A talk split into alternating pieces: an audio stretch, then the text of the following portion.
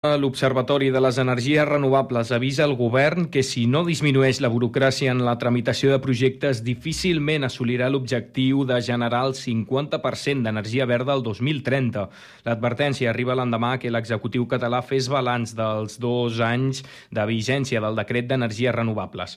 Ho ha dit el Notícies en xarxa el portaveu de l'Observatori Víctor Cusí, que demana un esforç per agilitzar els tràmits, sobretot pel que fa als projectes eòlics. Constata que que a Catalunya en matèria de renovables continua anant tard i l'accés de paperassa encara ens col·loca més a la cua cada moment que hi ha hagut oportunitats per, tirar endavant projectes de renovables, doncs aquí hem fet tard els deures i això fa doncs, que tot vagi més endarrerit, que tot sigui més complicat. I després la burocràcia. En Catalunya doncs, té uns processos molt burocràtics i ens costa molt tramitar els projectes. Els demanem doncs, que eh, disminueixin la burocràcia en la tramitació, sobretot la part urbanística, per contra, Cosí valora en positiu el nombre d'instal·lacions d'autoconsum on Catalunya n'és líder.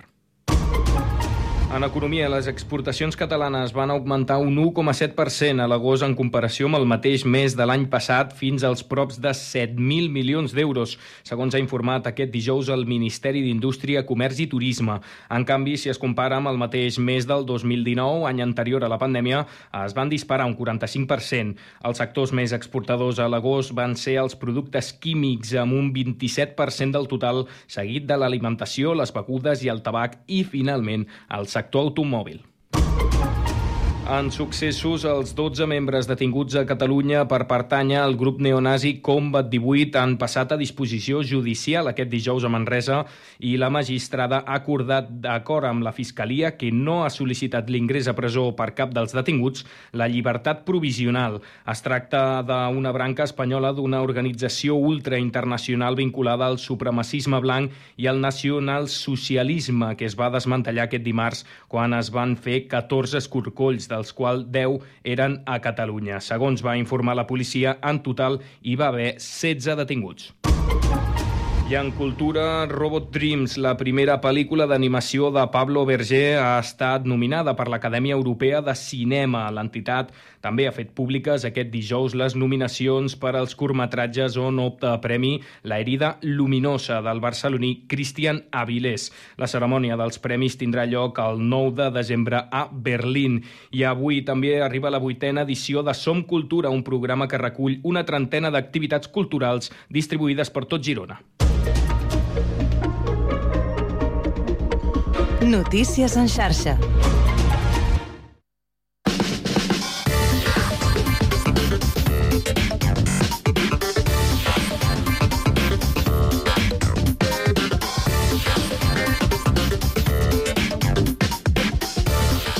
A les 5 i 3 minuts iniciem la segona i última hora d'aquest Connectats de dijous. Informació de servei.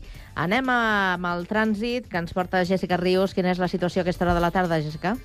Doncs està sent una tarda bastant tranquil·la, sense cap incidència remarcable a la xarxa viària de l'àrea metropolitana de Barcelona, segons informa el Servei Català de Trànsit.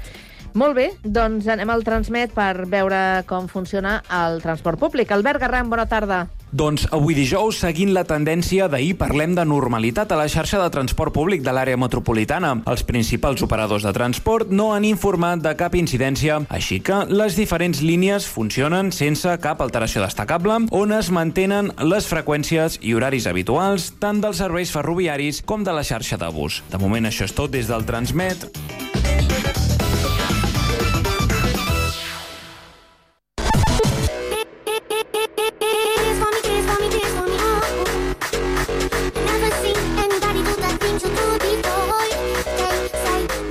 Connectats, una experiència radiofònica a Sabadell, Terrassa, Sant Cugat, El Prat, Castellà i Badalona.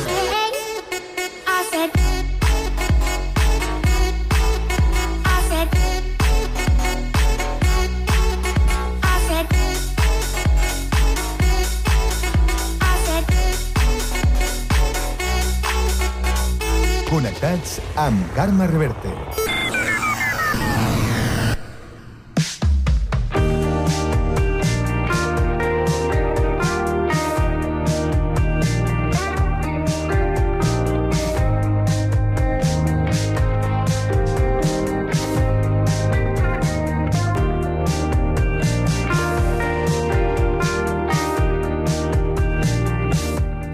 El personatge d'avui el tenim a Sabadell i el nostre home allà ens ha dit que es tracta d'algú polièdric amb diferents interessos que ho està patant ara mateix a les xarxes. De qui es tracta? Pau Duran, bona tarda. Bona tarda, doncs es tracta de la Rose Fit, un compte d'Instagram amb gairebé 70.000 seguidors. De fet, potser quan s'acabi aquesta conversa que tindrem ara, potser ja els haurà superat i tot. I a darrere hi ha la Rosalia Espinola. Bona tarda. Bona tarda. Què va ser primer? La Rose Fit, la Rosalia, el fitness, la roba... Explica'm. Bueno, va ser un pack de tot, perquè vaig començar amb... Bueno, amb... Primer va ser, més que res, quatre fotos de la botiga, vale? perquè quan jo vaig començar això de les redes no estava tan, tan, tan, tan a, a peu de carrer i llavors pues, bueno, posava de tant en tant alguna foto i tal, i, bueno. I després vaig començar amb el gimnàs.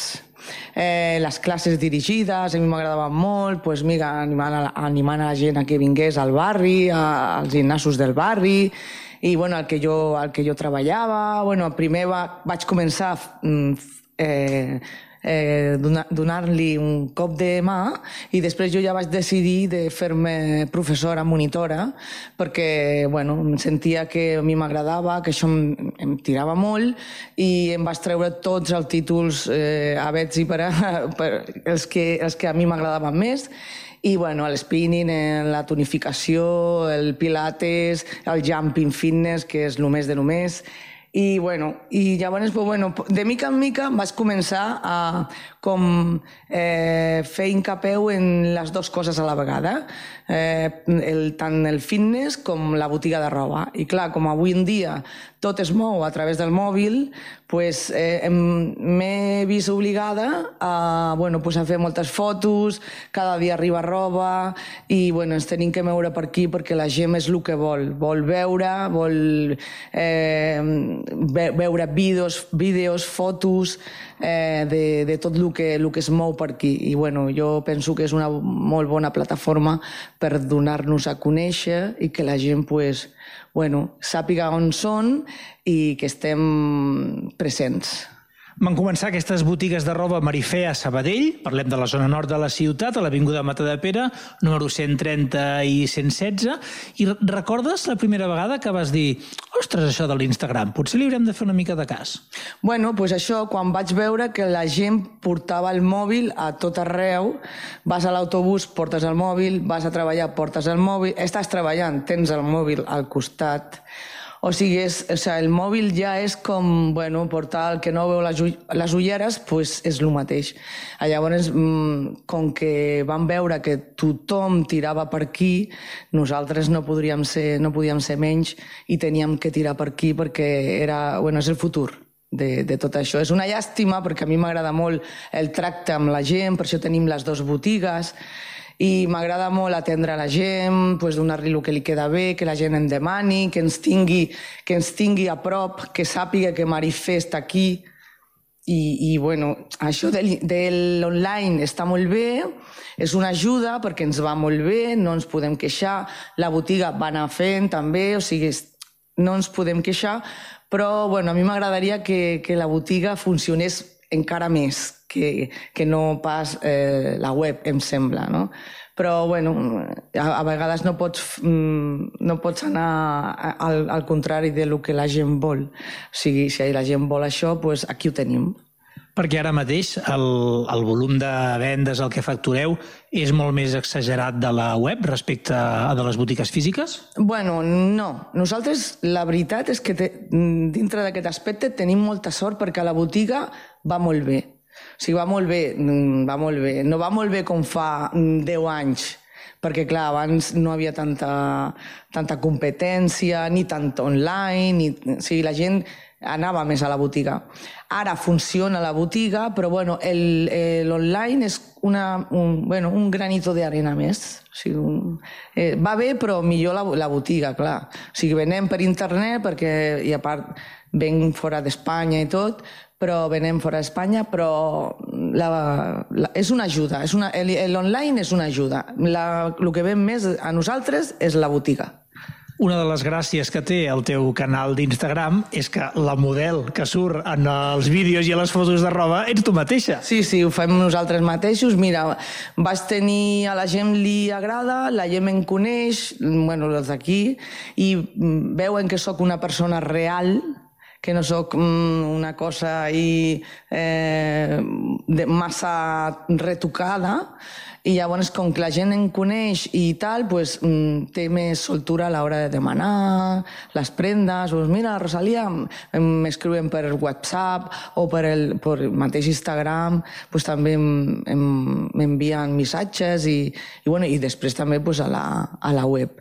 I, i bueno, sí, ho, fe, ho faig jo perquè bueno, mm, és més ràpid. O sigui, el meu marit pel matí va buscar la roba i jo, per exemple, ara, abans de venir aquí, ja he estat fent una sessió de fotos i eh, vull dir que és quasi instantani quan arriba la, la, la roba a la botiga jo ja estic a, a casa meva que és a dalt, que tinc una paret blanca que realment és el que funciona aquí a, a l'Instagram. La massa, massa cosa darrere no agrada.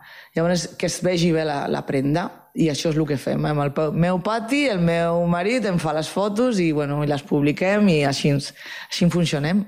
Ara mateix, aquesta sessió a la que fa referència, quantes prendes deus haver retratat? Quantes fotos t'has fet amb roba nova?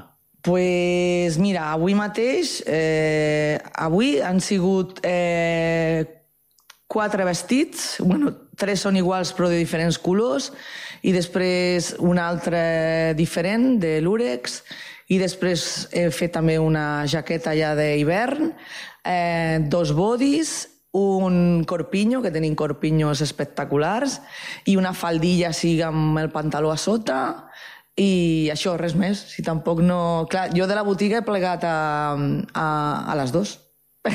he menjat i... I cap aquí. I, i, bueno, i he fet les fotos, he menjat, he fet les fotos, i ara pues, aquí estic amb tu i a les sis començo ja la meva, la meva passió. Del fitness. Um, com descriuries la roba que vens? Bueno, és una roba molt, molt actual, molt moderna, molt extremada. Tenim les dues botigues. Una de les botigues és roba super extremada.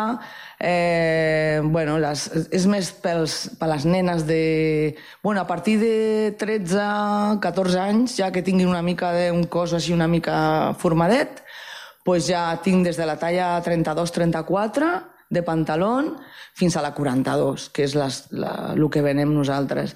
I és una roba molt actual, molt... Bueno, amb, hi ha dessuadores curtetes, eh, jerseis oberts, amb obertures, eh, monos molt, molt xulos, o sigui, és ropa per sortir a la nit, per anar pues, a eventos, a, a, bueno, a coses especials.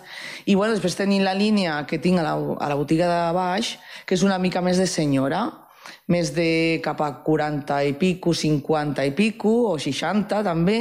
Hi ha jerseis pues, de punt de totes les maneres, bàsics, eh, malles de polipell, texans, tenim la nostra marca de, de texans, la 07, que tenim, bueno, aquest any ja hem, hem tornat, poder tornar a fabricar la nostra marca 07 i estem molt contents. I bueno, se diferencien pues, que a dalt és més per joves, per nenes de 13 18, 20, 20 i alguna i la de baix pues, és més, més clàssica, més de 40 i pico cap amunt, depenent del gust també de cada persona, perquè a baix també tinc noies que venen que tenen 20 i alguna i els hi agrada molt, la... no són tan extremades i baixen a baix i en, en troben la seva, bueno, pues la seva roba també.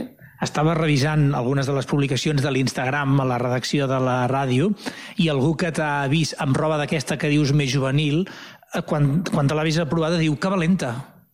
Bueno, sí, bueno, però mira, jo quan em diuen lo de l'edat i tot això, bueno, jo tinc una edat, sí que la tinc, però, bueno, és que jo sóc així, jo sóc molt... Jo sóc extremada. Lo, mi, lo mateix puc anar... Jo, és que jo tinc diverses versions de, de mi mateixa. Eh? No m'encaixo solament en la ropa super extremada, super sexy. Sí que ho soc, però també sóc la que porta les suareres d'oversize, eh, el, el, la, el pantaló ample, el texà ample... Eh, o sigui, mm, és que jo depèn de quan al matí m'aixeco, pues així, així ens faig. Que em sento bé, que tal i qual, pues a jo em poso una mica més curteta i tot això. Però bueno, perquè també jo, el, el meu cos m'ho permet, jo em cuido molt i, i, bueno, i tinc una edat, però jo crec eh, que estic ben conservada. I llavors, com que no em trobo eh, rara ni res, jo sóc així i ja està, no sé, no em vesteixo pues, com a mi m'agrada i depèn del dia. He vist també que d'aquestes publicacions a l'Instagram eh, solen triomfar molt perquè de seguida se t'acumulen uns milers de, de likes allà a la foto i he vist que hi ha molt de fandom italià, que molts dels comentaris que et fan positius són en italià. Bellíssima! Sí, sí, sí. No, no, ja et dic que estic arribant, bueno, mm, a República Txeca també, a, a, a Miami també he arribat, i, i bueno, sí, a Itàlia, a França, eh, sí, sí, és una passada. O sigui, fins i tot jo eh, és, mm, em poso les mans al cap perquè dic, o sigui, no sé on estic arribant, però, però bueno, està agradant, està agradant, i això és el que, el que jo vull, que agradi i que la gent, pues, bueno, que s'animi a comprar i, i això és el que busquem al final, o sigui, és negoci. I ho vas notar en el negoci a partir de que hi havia el compte d'Instagram i aquest interès en anar ensenyant constantment el que s'hi podia trobar? Sí, sí, sí, o sigui, clar, és que en seguida que vaig dir, vam, vam dir, vam decidir, mira, hem de ficar fotos, fotos, vídeos, fotos, fotos, vídeos, i a partir d'aquí de que ens vam posar mm, d'aquesta manera, pues sí, és que ho he notat molt. Eh, o sigui, he anat pujant super... Cada dia a mi, potser pujava 400-500 seguidors a diari, saps? I, i ho, ho he notat molt, molt, molt. De, i, I la gent que em demana, i, i la web que, que ha, ha agafat una mica de vida. I sí, sí, sí, és que és això. Mm. I ara a la tarda estem a l'estudi de dansa Marloque. Què hi fas aquí? Bueno, aquí faig de tot el que puc. Soc, un, soc molt intensa, jo. I, i bueno, m'agrada... De sempre m'ha agradat molt l'esport, molt. I les classes dirigides, eh, impartir amb, amb, amb gent que, que em segueixi, que eh, mm, soc molt entusiasta. M'ha agradat sempre cuidar-me molt, tant el menjar com al gimnàs, i és una cosa que a mi em, em fa molt bé perquè, perquè bueno, jo he passat diverses coses a la meva vida i l'esport a mi m'ha portat estabilitat i, i, i m'ha donat tranquil·litat eh, i, i m'he sentit molt bé. O sigui, a mi m'ha donat salut. El, a mi l'esport m'ha donat salut, benestar mental i físic. O sigui, és que, bueno, és que no podria. No podria estar sense fer esport. I res, doncs faig classes dirigi, dirigides de, de fitness, de eh, entrenos Tabata, eh, entrenaments HIIT, el jumping fitness, que és una passada, són les colxonetes aquestes que fem coreografies i fem fitness també. Eh, també faig spinning, també, que és la bicicleta amb la música. I, i bueno, mm, tonificació, tinc els steps, els bossos, tinc totes les meves dumbbells, les mancuernes, les, les, les barres, tot. Treballo en tot. No us deixeu per això impressionar amb, amb tots aquests utensilis, perquè en el canal de YouTube també tens el, algun material on pràcticament amb una mica de cinta aïllant i pesos d'aquests d'ampolles d'aigua que tenim per casa fas una sessió de més d'una hora que déu nhi Sí, això va ser a la pandèmia. A la pandèmia me van demanar les meves alumnes, sobretot, que, que fes alguna classe eh, d'aquestes que, bueno, que pogués elles, elles mateixes en casa poguessin fer, poguessin fer les meves classes, no volien deixar-ho. Eh, són, molt, són molt maques, eh, les meves, les meves alumnes, i m'estimen molt. I, i bueno, com elles també se senten molt bé, o sigui, amb mi, amb com faig jo les classes, perquè les motivo molt, pues em van demanar això i, bueno, i, i bueno, tothom feia classes a, aquí, pues a YouTube, les, pues mira, jo cada tarda, quan tothom estava a la seva casa, jo em venia a la sala i jo soleta m'agafava la meva càmera i em posava a, a, a gravar la classe, cada dia feia una, i a la nit el meu fill, que és informàtic, me la, me la feia, me la posava bé, i, i res, al dia següent, cada dia, cada dia, cada dia teníem una classe diferent feta, com amb materials que podíem fer servir a casa, una cadira, les botelles d'aigua famoses, i, o sense material també, també fent tipus calistèmic. Sí. Va triar una cançó per acabar aquesta entrevista. Bueno, m'agrada molt la de Miracle. Miracle ara amb la, la de Calvin Harris i la Ellie. M'encanta. M'agrada molt, em transmet molta energia. Rosalia, gràcies per deixar entrar al Connectats a la teva història. Molt bé, pues gràcies a vosaltres i bueno, ja en sabeu, sabeu on, on em podeu trobar a l'estudi de dansa Marluque i a la Marifé, la botiga de roba de Can Uriac.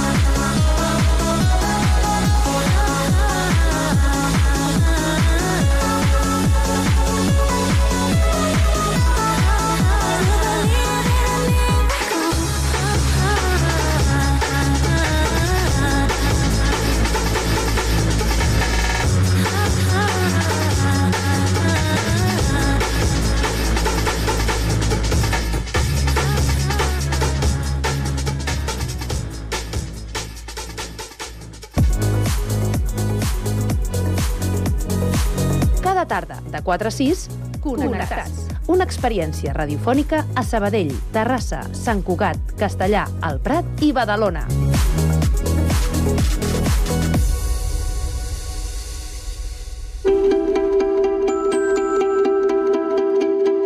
Connecta't al patrimoni.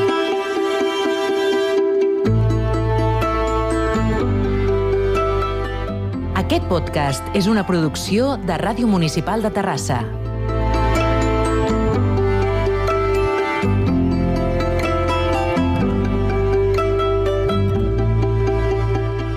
En aquest nou episodi continuem descobrint patrimoni, en aquest cas de la ciutat de Terrassa i d'una de les seves vies més cèntriques i emblemàtiques. El nostre company Sergi Estapé parla amb en Santi Rius, creador del blog Records de Terrassa. Seguint amb l'interès de descobrir el patrimoni de les diverses ciutats, avui tornem a Terrassa i, com sempre, eh, ho fem amb el Santi Rius, creador del blog de Records de Terrassa. Santi, què tal? Hola, què tal? Molt bé. De, què, de, quina, de quina part o de quin patrimoni de, de la ciutat de Garenc que ens parlaràs avui? Jo crec que ens toca parlar d'una part del patrimoni que aquests dies està en boca de, de molta gent. Hi ha una mica de el- polèmica, no? Sí, el famós passeig, les llambordes, els llambordins, aquestes coses. El passeig del Comte de El Gales. passeig del Comte de Gara. Explica'ns una mica de com, de, de com va venir aquest, aquest passeig. Bé, hem de veure una miqueta l'inici no, d'aquesta història perquè hem de pensar que ens hem de situar a la vila de Terrassa, eh? quan Mhm. encara no era ciutat, sinó que era vila de Terrassa, estava emmurallada i tenia uns portals d'entrada i sortida. clar, es feia petit, es feia petit aquesta ciutat i hi havia coses que es anaven doncs, eh, eh, ampliant. Una d'elles era doncs, el, el portal que donava a, a la Font Vella, no? la sortida de, del portal de la Font Vella, que s'anomenava exactament així, Font Vella, i que portava cap al convent de Sant Francesc d'Assís, que estava fora de la ciutat, entre altres coses perquè aquest tipus de, de convents i de- i d'elements doncs, eh, es feien sempre als exteriors de les ciutats. En aquest cas era un, era un convent que ja estava eh, en aquest lloc eh, l'any 1612, o sigui, ja ve de- d'antic, no? I que servia de comunicació, entre cometes, entre Terrassa, el convent aquest, i a la vegada el, el, el cementiri, el cementiri vell, que també estava fora de la ciutat, i comunicava també doncs, amb la banda de... El, el, seria cap a Sabadell, cap a, cap a Barcelona, tot, una, tot, una, tot un camí que, que anava en aquesta adreça. Justament en, en, abans del torrent, el torrent de Vallparadís, quedaven uns camps, quedaven uns camps eh, oberts, més o menys planers, on es va començar a construir el que era una mena de zona arbrada, eh? un passeig, un, es, un espai per l'esbarjo, perquè la gent que sortia de Terrassa i volia doncs, tindre una, un lloc verd doncs, per anar a berenar o per anar a passar una estona, però sí que és un lloc més o menys agradable. I aquí és on va començar doncs, a fer-se aquest espai. Un espai que van cedir doncs, unes persones que en aquell moment eren industrials de Terrassa, que tenien eh, el, el, diguem, la propietat d'aquest espai, que eren en Josep Oriol Mauri, en Salvador Vinyals i en Francesc Galí, que són cognoms que ens sonen a tots perquè són cognoms terrasencs, i van cedir aquest espai, eh, aquest terreny, que, que li tenia el nom popular de les tres puntes, perquè ja feia com un triangle, que és el, el, diguem el que fa avui en dia el passeig, aquest de forma de triangle, amb l'objectiu de que ja que hi hagués un espai pel lleure dels ciutadans.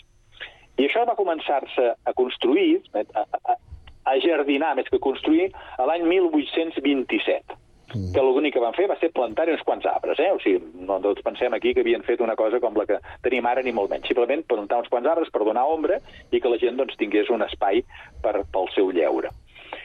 I aquí va passar molt temps, va passar molt temps fins que es va fer altra, una, una altra cosa. Vull dir, van passar 50 anys d'aquest primer arbrat fins que l'Ajuntament va dir bueno, i ara aquí el que s'ha de fer és que aquests arbres que s'han plantat una miqueta doncs, el, eh, sense seguir cap línia, segueixi una línia, hi hagi uns arbres doncs, arrenglerats, perquè ens entenguem. A l'estil d'altres poblacions, si anem a Girona o anem a molts llocs d'aquests, hi ha, hi ha aquests espais, aquests passejos on els arbres estan plantats eh, uns al costat de l'altre però que segueixen unes línies. No? Doncs aquí es va fer el mateix, es va fer aquest plantat arrenglerat eh, i que la gent li va començar a posar un nom, perquè aquest passeig no tenia nom. La gent li deien, bueno, anem, anem a, a un espai doncs, de, de lleure, però no tenia un nom específic. Aquí va tindre el, el nom de passeig. És la primera vegada que trobem el nom de passeig assignat amb aquest espai i se li deia passeig dels Samalers. Per què Samalers? Perquè els Samalers eh, és el nom d'un pal que es fa servir per portar unes portadores. Les portadores de, de, de vi, per exemple, uh -huh. eh, es porten amb un, dos pals llargs de, de, de roure, normalment, que es diuen samals. Aquests pals són, són pals de, rectes, eh, i el que van plantar, quan van plantar aquests arbres a, a, alineats, clar, no tenien ni fulles ni res, simplement era el pal recte. I la gent van dir, aquí el que hem fet és plantar samals. I la gent popular, que se n'en riu una miqueta sempre de tot, o hi posa gràcia amb el que passa al món, li va posar el passeig dels samalers. El I, passeig I dels que a. Terrassa en són bastant proclius, eh, de posar Som noms. bastant proclius a fer aquestes cosetes, sí. Sí, sí, sí. sí. Eh, I aquí aquí és quan s'incorpora la llum, no? Sí, és quan s'incorpora la llum. Pensem que, que, que aquests, aquests 50 anys fan que el 1870 ja s'inauguren aquests, aquests, aquests samals, aquests, aquests pals, i s'hi posa la primera il·luminació, que inicialment, evidentment, va ser d'oli. Encara no hi havia la il·luminació de gas que va vindre sí. posteriorment, ni molt menys l'elèctrica. O sigui, hem de pensar que aquí hi ha una evolució del fanal d'oli, el fanal del gas i el fanal elèctric. Però el primer, que és el 1870, és d'oli. Molt bé. Uh, bueno, passen els anys i, Mhm. i aquí fins i tot hi, hi arriba una, un lloc on veure cinema, no? Aquesta és, aquesta és bona. Aquesta és bona perquè eh, eh, trobem els inicis del cinema a, a Terrassa, no?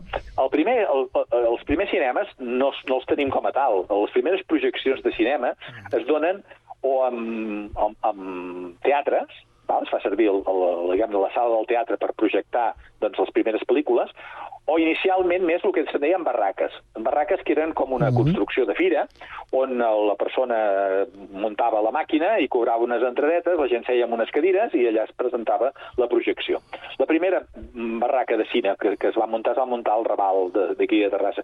Però una de molt interessant va ser la que es va muntar l'any 1898 al Passeig. Aquesta barraca eh, cinematogràfica, que era d'un senyor que es deia Enric Ferrús, eh, que li deien popularment Ferrucini, com si fos per donar-li una miqueta la, la italianització del nom, que quedava molt bé en aquella època, era molt espectacular. I era molt espectacular perquè tenim imatges d'aquesta barraca i a l'inici de l'entrada de la barraca hi havia un orgue, un orgue mm, d'estil modernista, molt espectacular, amb figures d'aquestes autòmates que es movien en funció de la música que, que, que tocava. Esclar, això hem de pensar que aquella època, 18- 1898, era màgia. O sigui, un orgue espectacular, unes figures que es movien i que més a més es movien al compàs de la música, els nens anaven allà i la gent es quedava embadalida. Si allò ja els atreia, clar, a dintre, a més a més, es passava una cosa nova que era una pel·lícula animada, un cine, no ho havíem vist mai, clar, era una, era una atracció espectacular, no? Llavors la gent doncs, eh, entrava i, i, i tenia molt d'èxit, de pensar que, que en aquest cas, doncs, doncs eh, malgrat eh, eh, tenia un preu i, i la gent tenia que, que gastar-se uns diners, jo, cre- tenim inclús el preu que valia, el preu de l'entrada eren 15 cèntims, eh, i això sí, els nens i els soldats, això és una cosa molt que em va fer molta gràcia, pagaven la meitat. És curiós que els soldats paguessin la meitat, oi? Com si fossin nens. Home, nens i ja, soldats. ja prou de pena tenien de... de...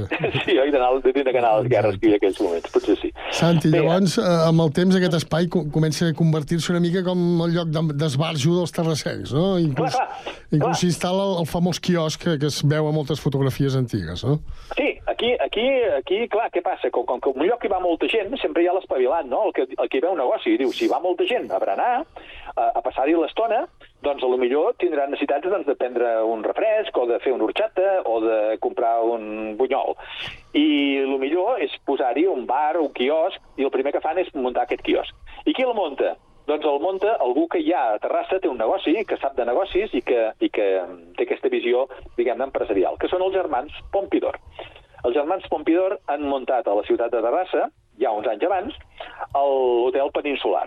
És el hotel que se situa al, al final del carrer de Sant Pere, ja, el- quan ja s'acaba el carrer de Sant Pere, i que, i que seria doncs, una miqueta on avui tenim, doncs, eh, entre cometes, doncs, no sé, el, el, el d'això, el, els Amics de les Arts, perquè ens entenguem, abans, una miqueta abans d'arribar als Amics de les Arts. Eh?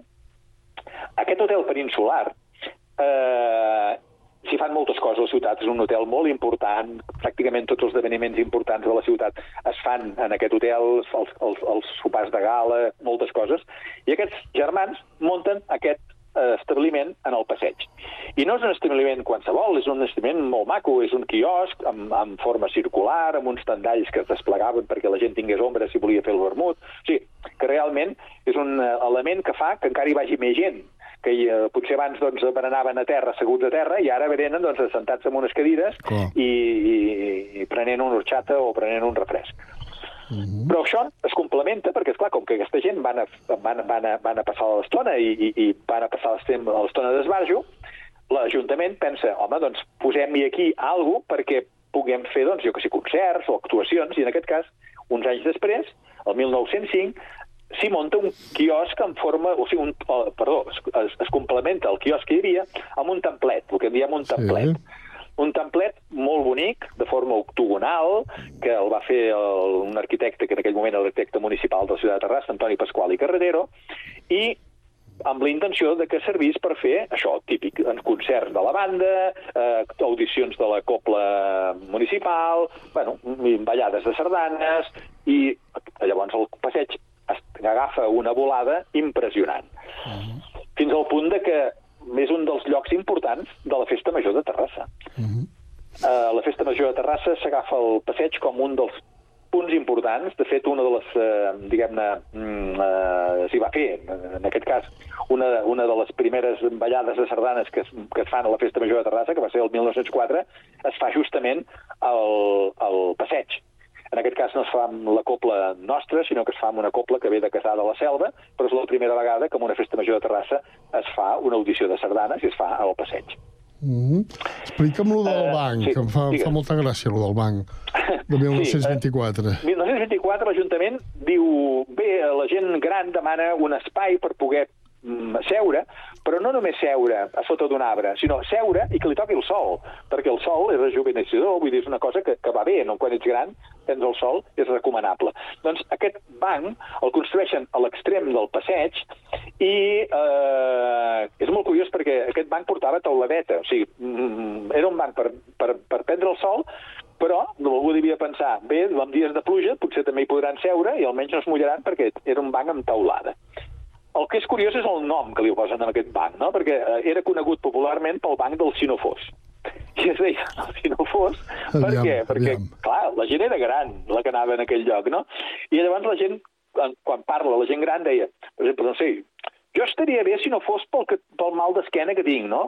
O jo, no sé,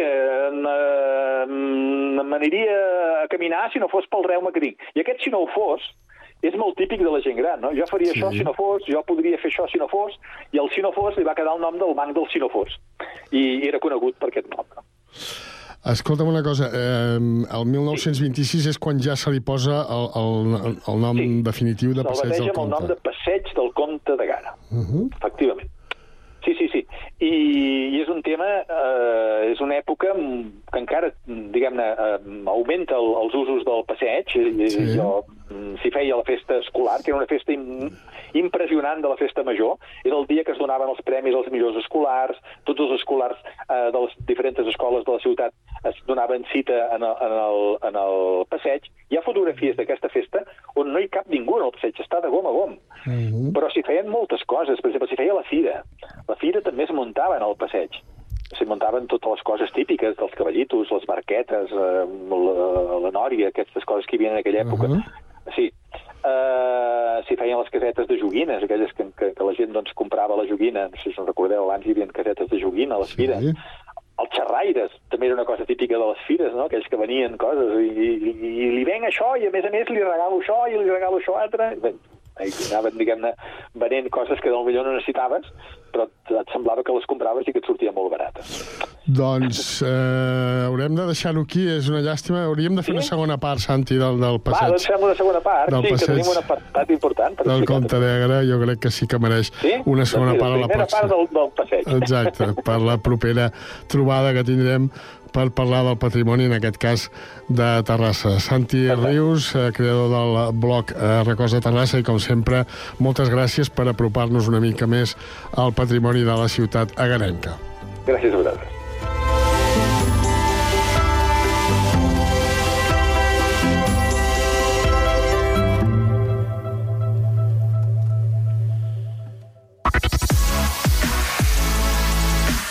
Connectats, una experiència radiofònica a Sabadell, Terrassa, Sant Cugat, El Prat, Castellà i Badalona.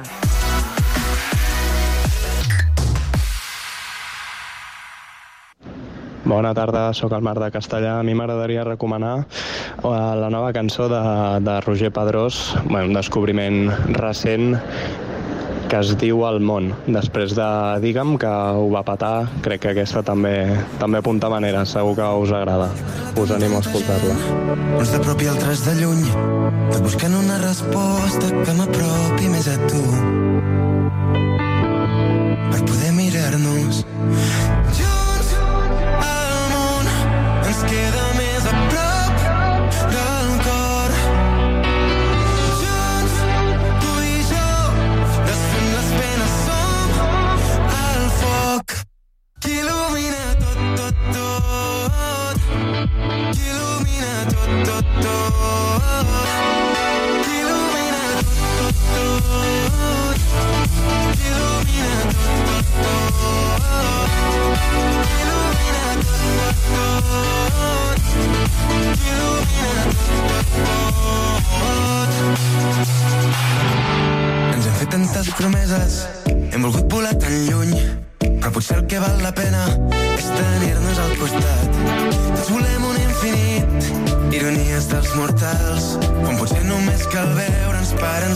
Nostres ulls.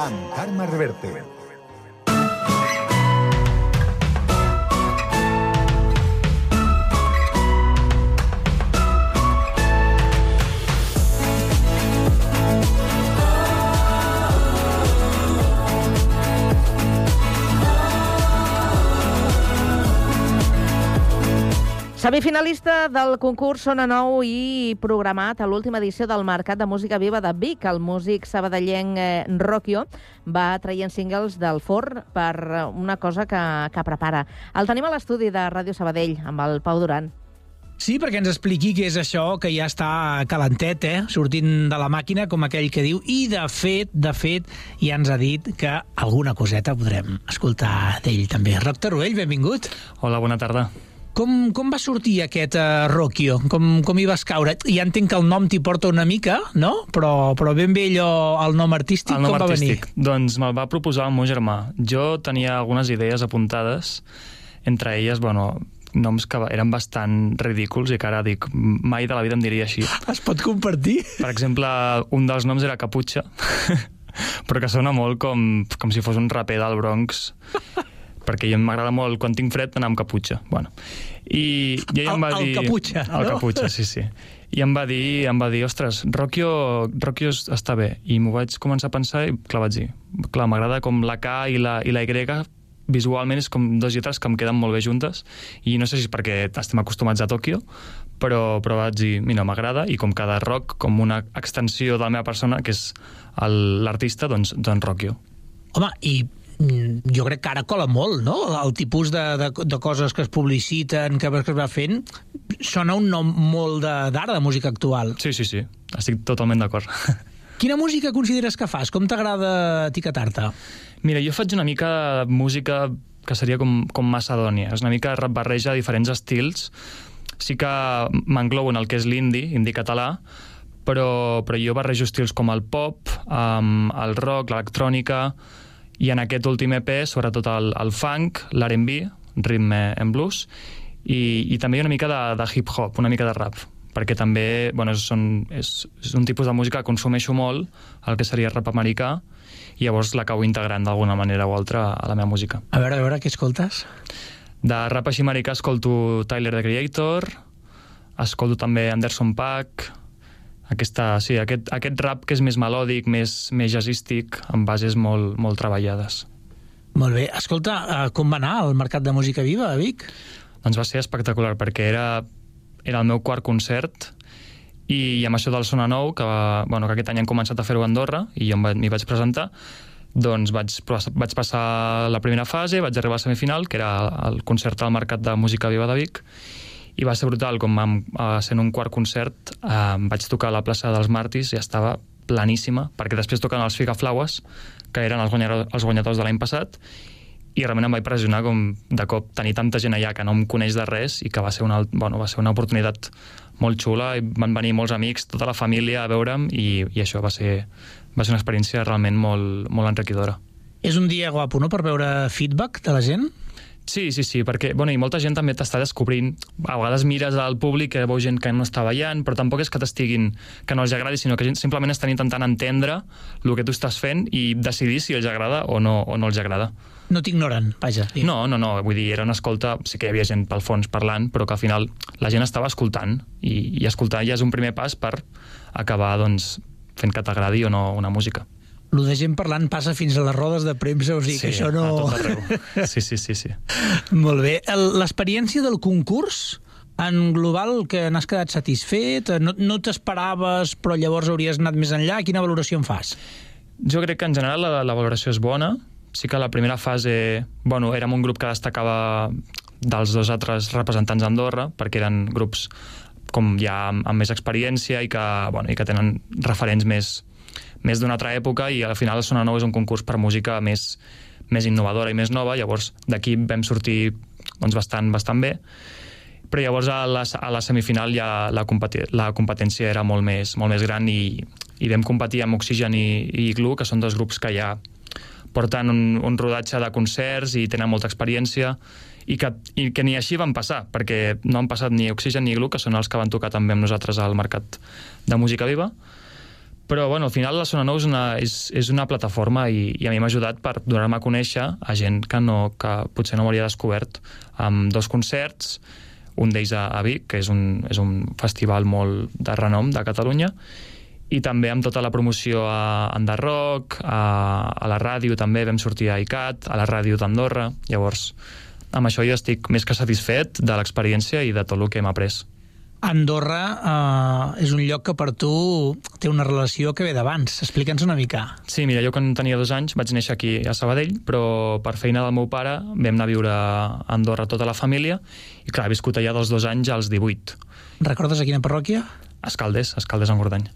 I clar, allà és on he conegut la meva banda, és on vaig començar doncs, a, a, fer, a fer concerts. Realment, um, el, el concert de Vic és l'únic concert que hem fet fora d'Andorra, vull dir que la resta han sigut a Andorra. La Fada Ignorant o La així? Fada Ignorant Sí? va ser el primer concert que vam, vam, fer, vam fer sold out que també és una sala petiteta, però, però, Bueno, sempre, però sempre queda bé de... de Clar, no, no, Sí, sí. hi ha gent que no el fa, eh, Sí, Roc? sí, sí. No, i, i això, i Andorra al final, com que és un, és un país petit, doncs quan fas alguna cosa se't dona, se't dona una mica d'atenció perquè, perquè això, perquè, perquè ja et donen altaveu als mitjans i, i, bueno, i la gent et va veure i, i està, està molt bé. I mm, alguna relació amb el bàsquet, també, no? Amb el, amb el club típic d'allà? Sí, sí, sí. Jo vaig jugar al, al Morabac Andorra durant uns quants anys, potser potser 10 anys o més o menys, i, i va ser molt bo perquè aquest estiu, arrel de, arran d'un concert que vaig fer a Andorra, em va contactar el, el cap de, de màrqueting i comunicació de l'Andorra i em va proposar de, de fer un concert a la presentació de l'equip, que cada any fan, fan una festa al carrer, que és presentació de l'equip de, del nou equip de l'Andorra, de la base, i em van convidar per fer, una, per, per fer res, quatre cançons, 20 minutets, i animar una mica la festa i, i a mi em va fer molta il·lusió perquè va ser retrobar-me amb entrenadors i va ser molt, molt xulo que comptessin amb mi. Escolta'm, uh, has fet, uh, o sigui, has trepitjat escenari, has, has fet una mica de, de lo que s'ha de lluitar al carrer, no?, quan un vol donar a conèixer el seu projecte. Ara, per això, ve el llançament de, el, el primer que serà el teu treball que dius, això ja està tancat, això ja està acabat, no? El primer EP que posaràs a sobre la taula, que serà ja amb el segell aquest de, de Rocchio. Explica'ns una mica aquest Flors i Violes. Doncs mira, Flors i Violes neix una mica de... És, és com una... Bueno, de, com el títol indica, és, és, són, són historietes, són una mena de contes d'aquí al Flors i Violes, perquè els contes infantils no sempre s'acostuma a dir tot van ser flors i violes, i és una expressió que em va agradar perquè, perquè té doble sentit. Primer, doncs això de, de que les coses poden sortir molt bé, però, però també molt malament, que és una mica el tema de l'EP, que és, que, és doncs, que l'amor pot sortir tant, tan bé com tan malament, i també té aquest doble sentit de que per mi les, les flors a mi és un, com un símbol que m'agrada molt i que l'intento integrar doncs, al, el que és el meu, bueno, el meu, tot el que és visual, els meus videoclips, les meves fotos, i també les violes, que són que també poden ser les cordes, perquè a mi m'agrada molt ficar-hi cordes a, a les cançons, com, com si hi hagués un orquestres, que al final sóc jo amb l'ordinador, però, però això, és, i és un EP que, bueno, jo portava ja uns quants singles trets, i, i vaig començar a escriure cançons que eren historietes curtetes eh, sobre, sobre l'amor, sobre una mica de la meva vida, i com que tenia una mica de- d'unitat tant de significat com d'estil, vaig dir, ostres, doncs ja podria fer un EP, perquè llavors és com un treball que pots entregar i que té una, una mica de, de consistència i, i dona doncs més una mica més de professionalitat que si no, a no, a no ser que els hagués tret eh, tots els singles separats, jo crec que no tindria tant força com ajuntar-los i fer-ne un petit àlbum.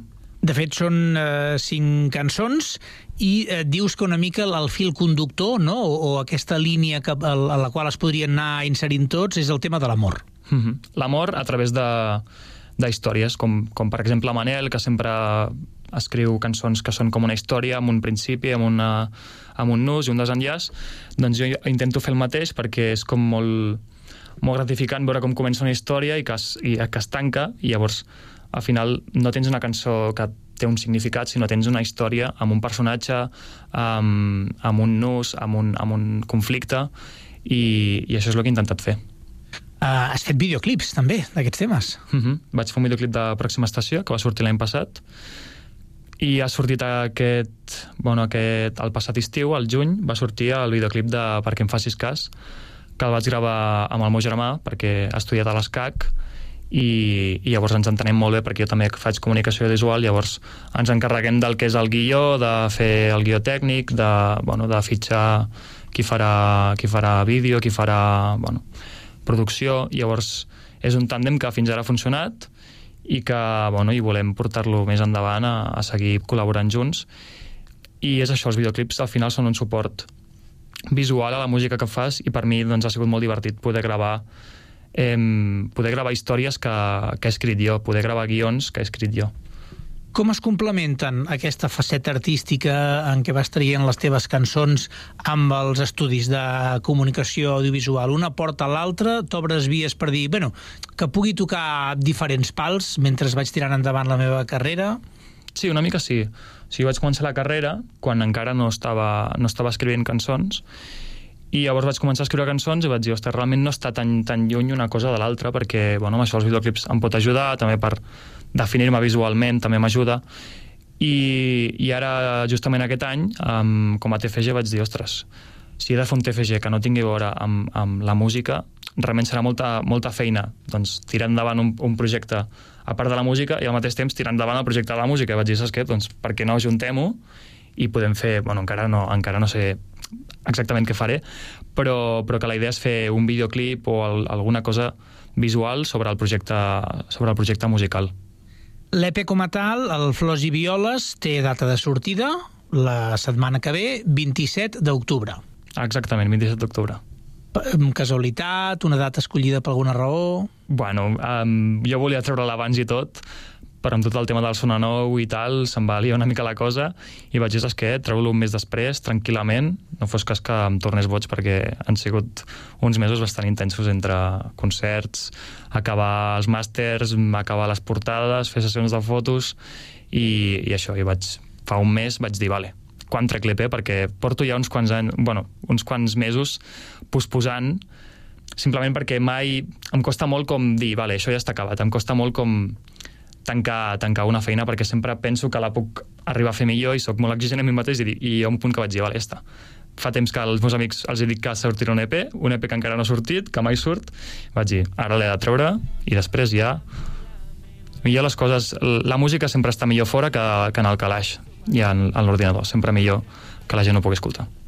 Roc, gràcies per venir-ne a parlar al Connectats. Gràcies a vosaltres. I el Roc ha tingut el detall de ja que demà sortirà l'últim single que serà previ a aquesta publicació de l'EP, que és aquest Superhot, ens l'ha deixat posar perquè el pugueu escoltar aquí al Connectats en directe. super hot jo Estic, estic super hot jo Estic, estic super hot jo Tio, la millor skincare és valorar-te. O sigui, ni cremes, ni cosmètics, ni merdes, tio. Simplement. Soc com un bo deliciós que es desfà la boca Un professor que està bo sense anar a córrer. Un humor enginyós que tant et posa Un anticicló calorós que et sufoca I no et deixa respirar que et provoca. I et fica tonto en un instant. I em poso a flexejar quan surto al carrer perquè quedar-me a casa seria un delicte molt greu però mira malament i un tio truca als bombers diu que estic superhot i acabaré cremant algú Estic superhot, jo. Stick, stick super hot jo Stick, stick super hot jo Stick, stick super hot jo Stick, stick super hot jo Stick, stick super hot jo Stick, stick super hot jo Stick, stick super hot jo Ah, estic super hot oh. I em poso a flexejar quan surto al carrer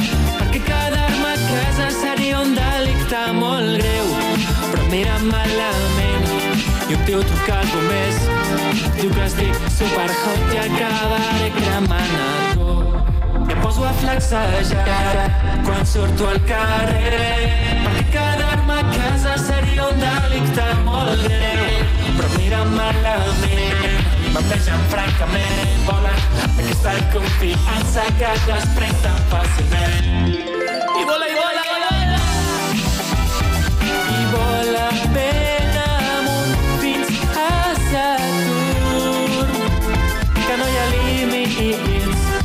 dels límits tu poses tu Anoteu bé aquest nom, Roc Tarruell. És de Sabadell i avui tanca el Connectats d'aquest dijous. Gràcies a tots per la companyia. Demà més, a partir de les 4 i 3 minuts, una nova edició, la del divendres. Un Connectats presentat per Sílvia Ferrer. Gràcies a tots. Rebentant i no he ni començat. Saps que aquesta merda et tindrà enamorat. Si t'enganxes, jo almenys ja t'he avisat. Ja t'he avisat, ja t'he avisat.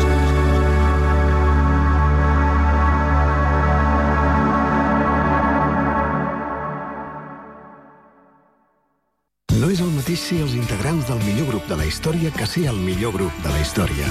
Per això, el grup català Occident serem Occident, perquè per continuar assegurant-ho tot, tot i tot, ens havíem d'ajuntar tots, tots i tots. Entra a seremoccident.cat. Hasta luego, cocodrilo. El programa Cocodril Club arriba als 30 anys en antena. Vine a la festa d'aniversari.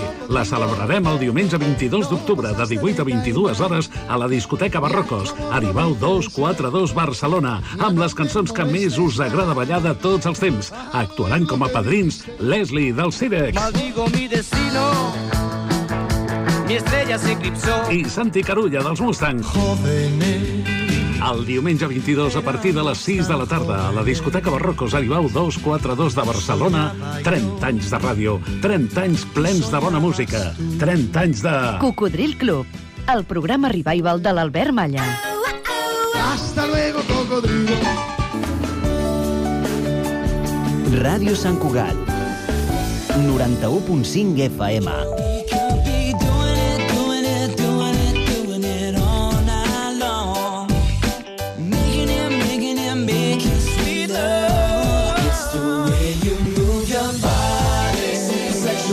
You are the one for me. So baby, move your body a little closer to me, so everybody can see. That's right. There's no doubt that you're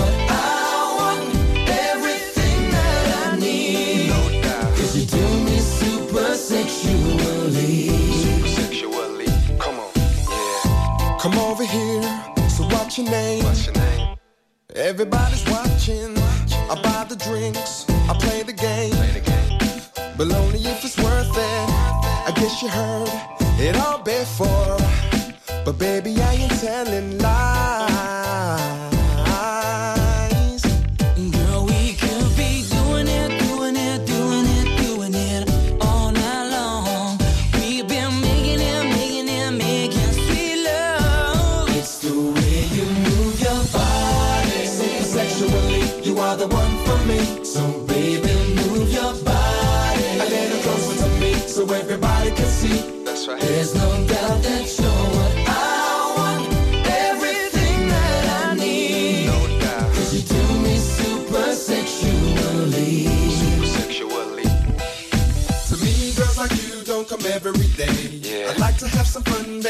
after your sex. All night long.